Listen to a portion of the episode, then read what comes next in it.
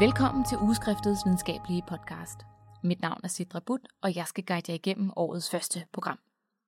I årets første udgave af Ugeskrift for Læger kan du læse et review om prostatabiopsier og baggrunden for den antibiotikaprofilakse, der bliver anvendt i de forskellige regioner i Danmark.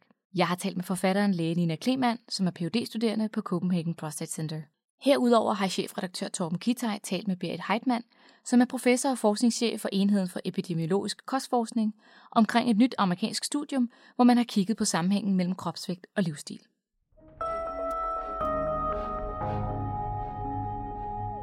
Årets første historie skal handle om et review om prostatabiopsier i Danmark og baggrund for den profylaktiske antibiotiske behandling.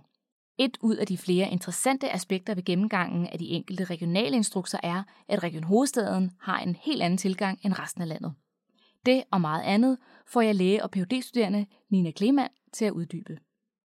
Mit navn er Nina Klemann. Jeg blev øh, læge i øh, 2009. Efter min KBU har jeg haft en intro i mavetarmkirurgi og efterfølgende en øh, introduktionsstilling i urologi på Rigshospitalet. Og efter min øh, intro i urologi fik jeg lyst til at forske, og har så siden 2014 været phd studerende her på Copenhagen Prostate Cancer Center, som øh, tidligere hed øh, urologisk forskningsafdeling øh, på Rigshospitalet. Og i, i forbindelse med, at jeg startede som øh, phd studerende herinde, øhm, gik jeg så i gang med at skrive det her øh, review om prostatabiopsier, fordi at det prostatabiopsier er, øh, hvad skal man sige, det overordnede emne for min phd. Kan du kort fortælle om, hvad dit review handler om, og øh, hvad du finder frem til? Mit review handler om at undersøge øh, hvad skal man sige, baggrunden for den antibiotikaprofilakse, som, øh, som bliver anvendt i Danmark. Hvorfor, altså hvilken øh, hvad skal man sige, evidens findes der i litteraturen for at anvende de forskellige antibiotiske profilakser, der bliver anvendt. Så jeg var interesseret i at, at indsamle empiri og danne mig et overblik over, hvilken evidens findes der på området for at, at anvende forskellige typer af antibiotika. Ja, og derudover, udover hvad skal man sige, selve øh, litteraturreviewet, så var jeg også interesseret i at danne mig et overblik over, hvilke forskellige øh, antibiotikaprofilakser, der blev anvendt i Danmark. Så derfor tog jeg kontakt til alle de øh, urologiske afdelinger i Danmark, som udfører prostatabiopsier, og spurgte dem, hvilken, øh, hvilke antibiotika de bruger, og hvor lang tid, og, og så videre. Okay, så du var ikke inde på deres instrukser, det var ringe Nej, til jeg dem? så... jeg har sendt mail og har ringet og sådan forskellige okay. måder fået fat på, øh, på de ansvarlige og, stillet dem spørgsmål. Ja. Okay. Kan du kort fortælle om, øh, hvad det vil sige, når man tager prostatabiopsier? Trus med biopsi, altså det er en uh, transrektal ultralydsvejledt biopsi. Det vil sige, at man har et ultralydshoved, talsonde, og lige ved siden af den, der kommer der så en, øh, en nål ud, som tager den her meget lille, fine, trådlignende biopsi via endetarmen fra prostata. Og man tager 10-12 biopsier i et biopsisæt, og det vil sige, at man tager 5-6 biopsier fra hver halvdel af prostata. Hvorfor valgte man så at indføre antibiotikaprofilaksen? Jo, der er stærk evidens for, at en, at en antibiotikaprofilakse reducerer øh, infektiøse komplikationer efter trusmelbiopsi. Det er der slet ikke nogen tvivl om. Mm. Øhm, det er jo et indgreb, det her med, at det foregår via rektum, som er per definition et, et, et inficeret område, eller skal man sige, et område, som er koloniseret med bakterier, så er der i selve indgrebet i sig selv en stor risiko for, for øh, infektiøse komplikationer. De forskellige afdelinger griber det lidt forskelligt an. Mm. Øh, og på et tidspunkt så skriver du, at det er især nogle patienter, der er i stor risiko for at udvikle infektion, efter at man har taget prostatabiopsier. For eksempel folk, der har diabetes. Ja. Hvorfor risikostratificerer man ikke patienterne således, at dem, som man jeg ved har diabetes eller andre komorbiditeter, ligesom risikostratificerer dem i forhold til podning eller til øh, behandling? Det er et rigtig godt spørgsmål. Øh, det ved jeg faktisk ikke. Altså man kan sige, jeg, jeg kunne forestille mig, at det i en eller anden grad også foregår. Altså nu har jeg jo ikke selv været den, der har stået og taget, prostata, taget prostatabiopsi, men jeg kunne godt forestille mig, at, at, at, at øh, den enkelte kliniker i, i de forskellige situationer tænker, jamen du var her for, det er ikke så lang tid siden, du var her sidst, eller jeg ved, du har taget det og det for nylig, eller et eller andet, der gør, at man tænker, her skal vi måske lige være lidt mere aggressiv og gøre et eller andet, men, men der er ikke sådan øh, retningslinjer og instrukser på, at man gør det, øh, og hvor, at man skal gøre det, og, og hvorfor det er, det kan jeg ikke svare på, det kan være, det kommer. Ja, fordi det var meget interessant, altså pointe du alligevel mm-hmm. havde i, i din øh, artikel. Ikke også? Og, altså det, som de overordnet set bruger på de enkelte afdelinger, det er jo ciprofloxacin, kan jeg se i instrukserne, mm. eller så er det amoxicillin clavulansyre, mm. øh, kombineret med mesilinam. Det er, det er sådan set det. Og det sjove er faktisk, at i hovedstaden, der er det amoxicillin og clavulansyre og mesilinam, og i resten af landet nærmest, der er det bare ciprofloxacin. Ja, monoterapi med ciprofloxacin ja. er det mest udbredte. Hvorfor tænker du, hvorfor er det det? Så? Ja, men det, øh, det hænger sammen med en stor opgørelse, som blev lavet på Herlev Hospital øh, for nogle år tilbage. Tidligere brugte man øh, øh, ciprofloxacin i kombination med metronidazol, men øh, på grund af en stor resistensudvikling, så øh, i samråd med mikrobiologerne, så gik man øh, over til, til den her øh, kombination af amoxicillin og clavulansyre sammen med mislinarm, som bliver brugt i Region Hovedstaden nu. Og det var simpelthen fordi, at man har en formodning om, at øh, de her øh, præparater i kombination giver en mindre øh, grad af resistensudvikling end den tidligere, øh, det tidligere anvendte regime. Så er det simpelthen fordi, at de enkelte regioner ikke taler sammen, at Ja. Det, kan, det er jo svært at sige. Ja. ja. Men det var i hvert fald det, der skete i Region Hovedstaden. Jeg tænkte faktisk også lidt, kunne det være afstandsbetinget for de enkelte patienter? For patienterne? Ja. Altså jeg tænker mere, at øh, du går lidt mere med livrem og seler, hvis det er, at du giver folk ciprofloxacin, hvis du bor i Region Midt, og der er 60 km til det nærmeste sygehus. At, altså, det tænkte jeg umiddelbart, men det ved jeg ikke, om du stødt på nogen steder. Nej, det, nej, det er en interessant pointe, øh, også i takt med, at, at lokale sygehus lukkes ned og så videre. Nej, det er ikke noget, jeg har stødt på nogen som helst steder. Det er i hvert fald ikke nogen, der nej. har sagt som et argument nej, for, at de ikke. gør, nej, de gør. Derfor, jeg har faktisk ikke, fået nogen, ikke rigtig fået nogen argumenter for, hvorfor man øh, bruger de regimer, man bruger. Øh, men jeg har heller ikke spurgt direkte til det, jeg har bare spurgt, hvad de har brugt. Øh, du, du nævner også på et tidspunkt, Nina, at der er nogle kirurgiske tiltag. Øh, altså, man kan sige, at dit review det opdeler sig lidt i, altså, hvilke øh, medicinske faktorer er der i den her øh, antibiotikaprofilakse, hvilke kirurgiske tiltag kunne man også gøre for ligesom at mindske infektionsrisikoen efterfølgende, og så snakker du også lidt om resistens. Mm. Øh, og øh, det medicinske, det handler mest om, skal det være en engangsdosis, skal det være en tre-dages behandling, mm. øh, hvornår skal man ligesom give antibiotika. Men kan du fortælle mere om de kirurgiske tiltag, og hvorfor de ikke dur? Ja, altså man har forsøgt sig blandt andet med at tage biopsierne transperinalt, altså via perineum. Øh, så er der det her tiltag også, hvor man øh, inden biopsien tager en, en swab fra rektum for ligesom at kortlægge øh, hvilken bakterieflora der er i rektum, og ligesom tilrettelægge den antibiotiske strategi efter det. Altså, fordi når man tænker over det, så giver det jo egentlig mening. Ja, præcis. Men ja. der har ikke været, der er ikke evidens i litteraturen for, at, øh, at det er effektivt. Ja, man ser stadig lige så, lige så højt procenttal i... Øh... Jeg kan ikke huske tallene præcis, men i hvert fald det her med at rense... Der er det der studie med at rense nålen i jod øhm, og klyks. Det er der i hvert fald ikke øh, belæg i litteraturen for at, at anbefale øh, tra- heller ikke de transpenale. Hvad med, er der nogen, der har overvejet sprit af for enden? Altså i gynekologien, visse steder, det er der heller ikke evidens for, men i gynekologien nogle gange, når man laver evakker, mm. altså udskrabninger, så er der nogle steder, hvor man vælger lige at, at, ligesom at desinficere mm. øh, øh, vagina. Er der, er der nogen af studier, der overhovedet har lagt ja, det skulle så måske være det her studie med Klyks, øh, hvor man ligesom øh, renser endetarmen forud for indgrebet. Det er der ikke evidens for, at det øh, nedsætter komplikationsfrekvens. Okay. Hvad tænker du umiddelbart, når du har siddet og gennemgået alt, de her, alt det her litteratur og alle de her instrukser? Hvad tænker du umiddelbart er den optimale løsning i forbindelse med det her? Oh, det er et rigtig godt spørgsmål. Det ser ud til, at ciprofloxacin er, øh, er foretrække. Øhm, der er jo evidens for, at øh, ciprofloxacin hvad skal man sige, det, det opkoncentreres i urinen, det virker rigtig godt i det område, vi arbejder i. Så skulle det være, hvis man skulle sammenligne med, med, den, øh, med den strategi, der anvendes i Region Hovedstaden, så kunne man jo overveje at, at randomisere patienterne til de to forskellige regimer. Ja, og så se om hvad... Ja, det var en mulighed. Man tænker, at det antibiotiske profilaktiske regime, som anvendes i Region Hovedstaden, skulle give mindre resistensudvikling. Ja, det er svært at sige. Men det er jo klart, at det er jo som du siger, så skulle man ligesom prøve at sætte de to op mod hinanden, og så mm. se, om der overhovedet er noget der. Mm. Fordi man kan ligesom sige, når man også læser lidt om ciprofloxacin, der er jo også, udover at der er selvfølgelig, det har en meget stor effekt, som du sagde, mm. øh, det opkoncentreres i urinen, det er urinvejene, vi er bange for, at der ligesom mm. udvikler sig infektion. Mm.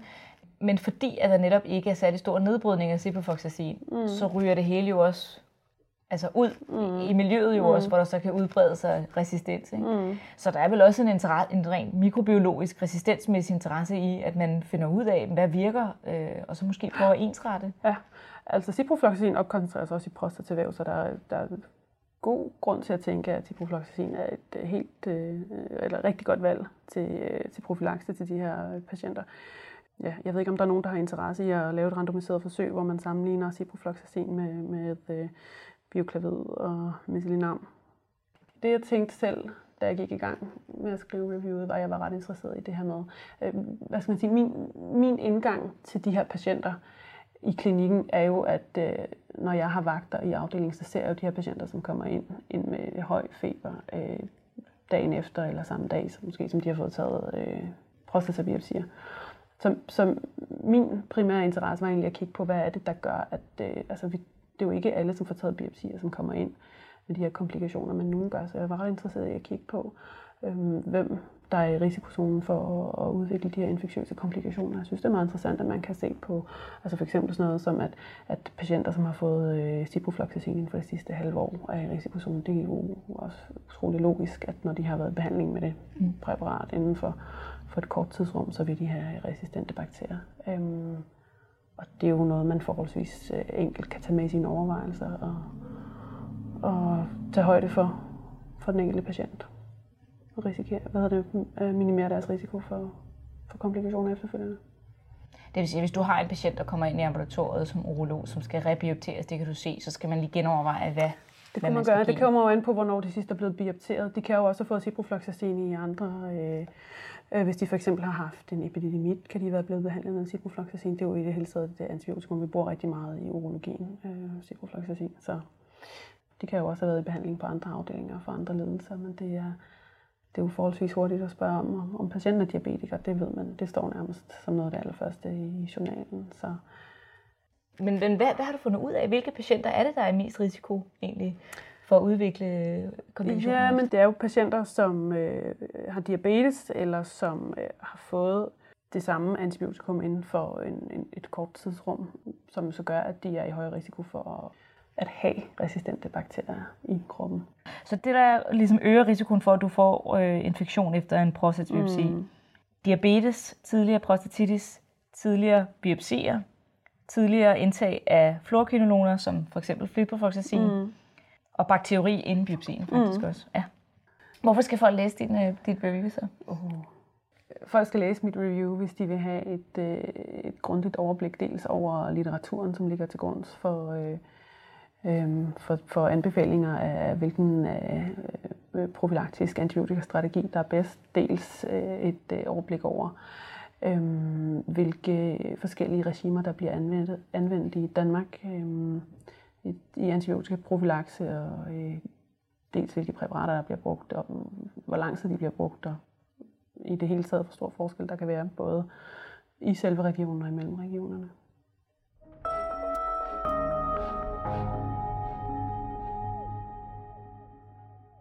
Det var Nina Kleman omkring sit review omkring profylaktisk antibiotikabehandling efter prostatabiopsier i Danmark.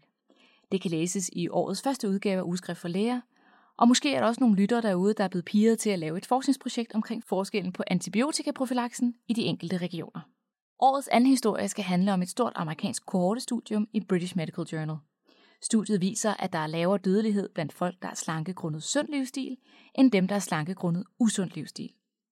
Det overraskende ved denne undersøgelse er, at kun 10% af kvinder og 20% af mænd med høj sundhedsprofessionel uddannelse havde en sund livsstil. Chefredaktør Torben Kitaj har ringet professor Heitmann op og talt med hende omkring undersøgelsen og eventuelle danske perspektiver. Det jeg vil spørge dig om først, det er, at den her undersøgelse, viser den ikke bare det, vi har vidst hele tiden, nemlig at dem, som har en sund livsstil, de har en lavere dødelighed? Om den viser også en interaktion med, med graden af, af under- og overvægt. Øh, og det er en af de ting, som jeg synes var interessant ved studiet, det er, at man har, man har lavet et indeks for en sund livsstil, og så finder man ikke længere den her uformede sammenhæng, som man jo ellers altid finder mellem BMI og risikoen for at dø for tidligt. Og hvad har man så fundet i stedet for?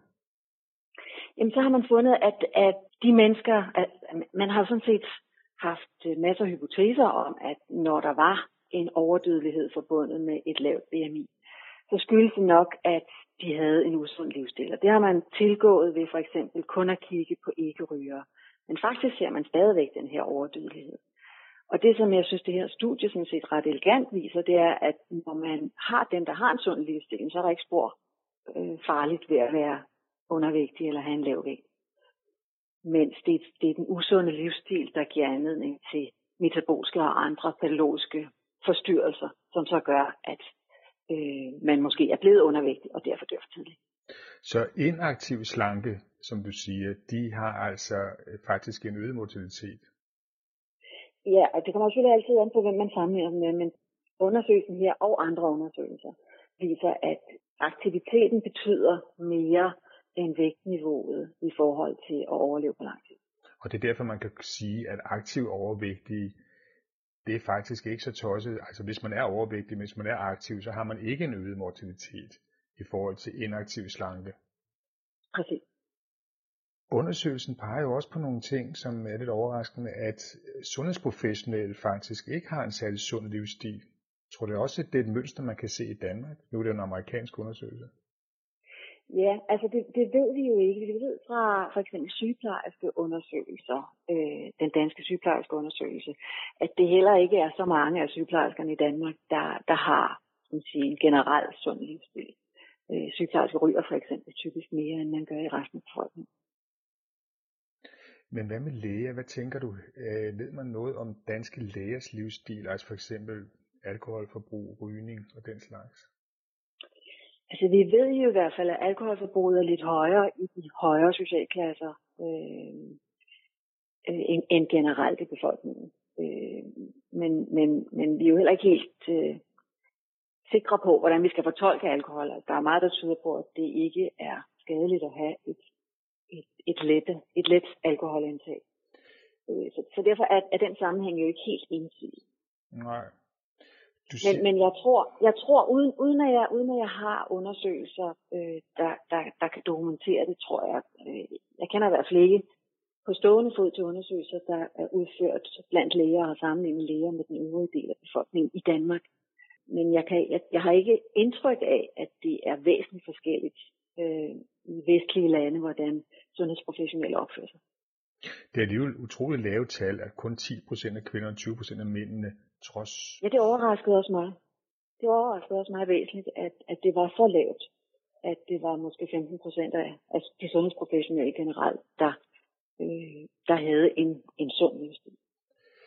Sådan en undersøgelse her, giver den grundlag, til at grundlag for at revidere nogle af de øh, anbefalinger, øh, som øh, man ellers kommer med. Sådan en undersøgelse, når du som professionel læser den her undersøgelse, tænker du så, at der er nogle holdninger, vi skal revidere? til for eksempel øh, patienter, som kommer med hjertekarsygdomme eller andre sygdomme, som er relateret til usund levevis? Altså, jeg tror, vores, øh, vores øh, officielle anbefalinger øh, er, re, er relativt, eller er ret godt funderet. Vores anbefalinger på kostområdet, på motionsområdet, rygeområdet osv. er relativt velfunderet i, i, i videnskabelige undersøgelser. Så jeg ser ikke nogen grund til at ændre det, men det er klart, at der kan være patientgrupper, for hvem man skal have nogle andre anbefalinger. For eksempel på kostområdet er, det, er der andre anbefalinger til diabetespatienter, end der er til den generelle del af befolkningen. Så selvom den her undersøgelse altså på mange måder jo ligger i forlængelse af, hvad man ved i forvejen, så synes du alligevel, der er nogle detaljer i den, som er en lille smule overraskende? Altså jeg var overrasket over, at det var så få blandt de sundhedsprofessionelle, altså dem, der hvad skal man sige, uddannelsesmæssigt, øh, professionelt, økonomisk klarer sig godt i samfundet, at det var så få af dem, der faktisk øh, havde en sund livsstil. Øh, fordi min antagelse ville være, at det så endnu værre ud i den generelle del af befolkningen. Og har du nogen anelse om, øh, hvad forklaringen kan være på det? Fordi man, man skulle tro, at sundhedsprofessionelle vidste bedre. Ja, og det er også derfor, det er overraskende, at det er så få, der, der, der ligesom lever op til øh, den sunde livsstil. Øh, men noget kunne tyde på, at det er svært.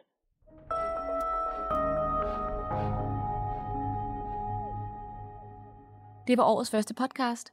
Husk, at du kan abonnere på podcasten på iTunes eller på en anden podcasttjeneste. På genhør.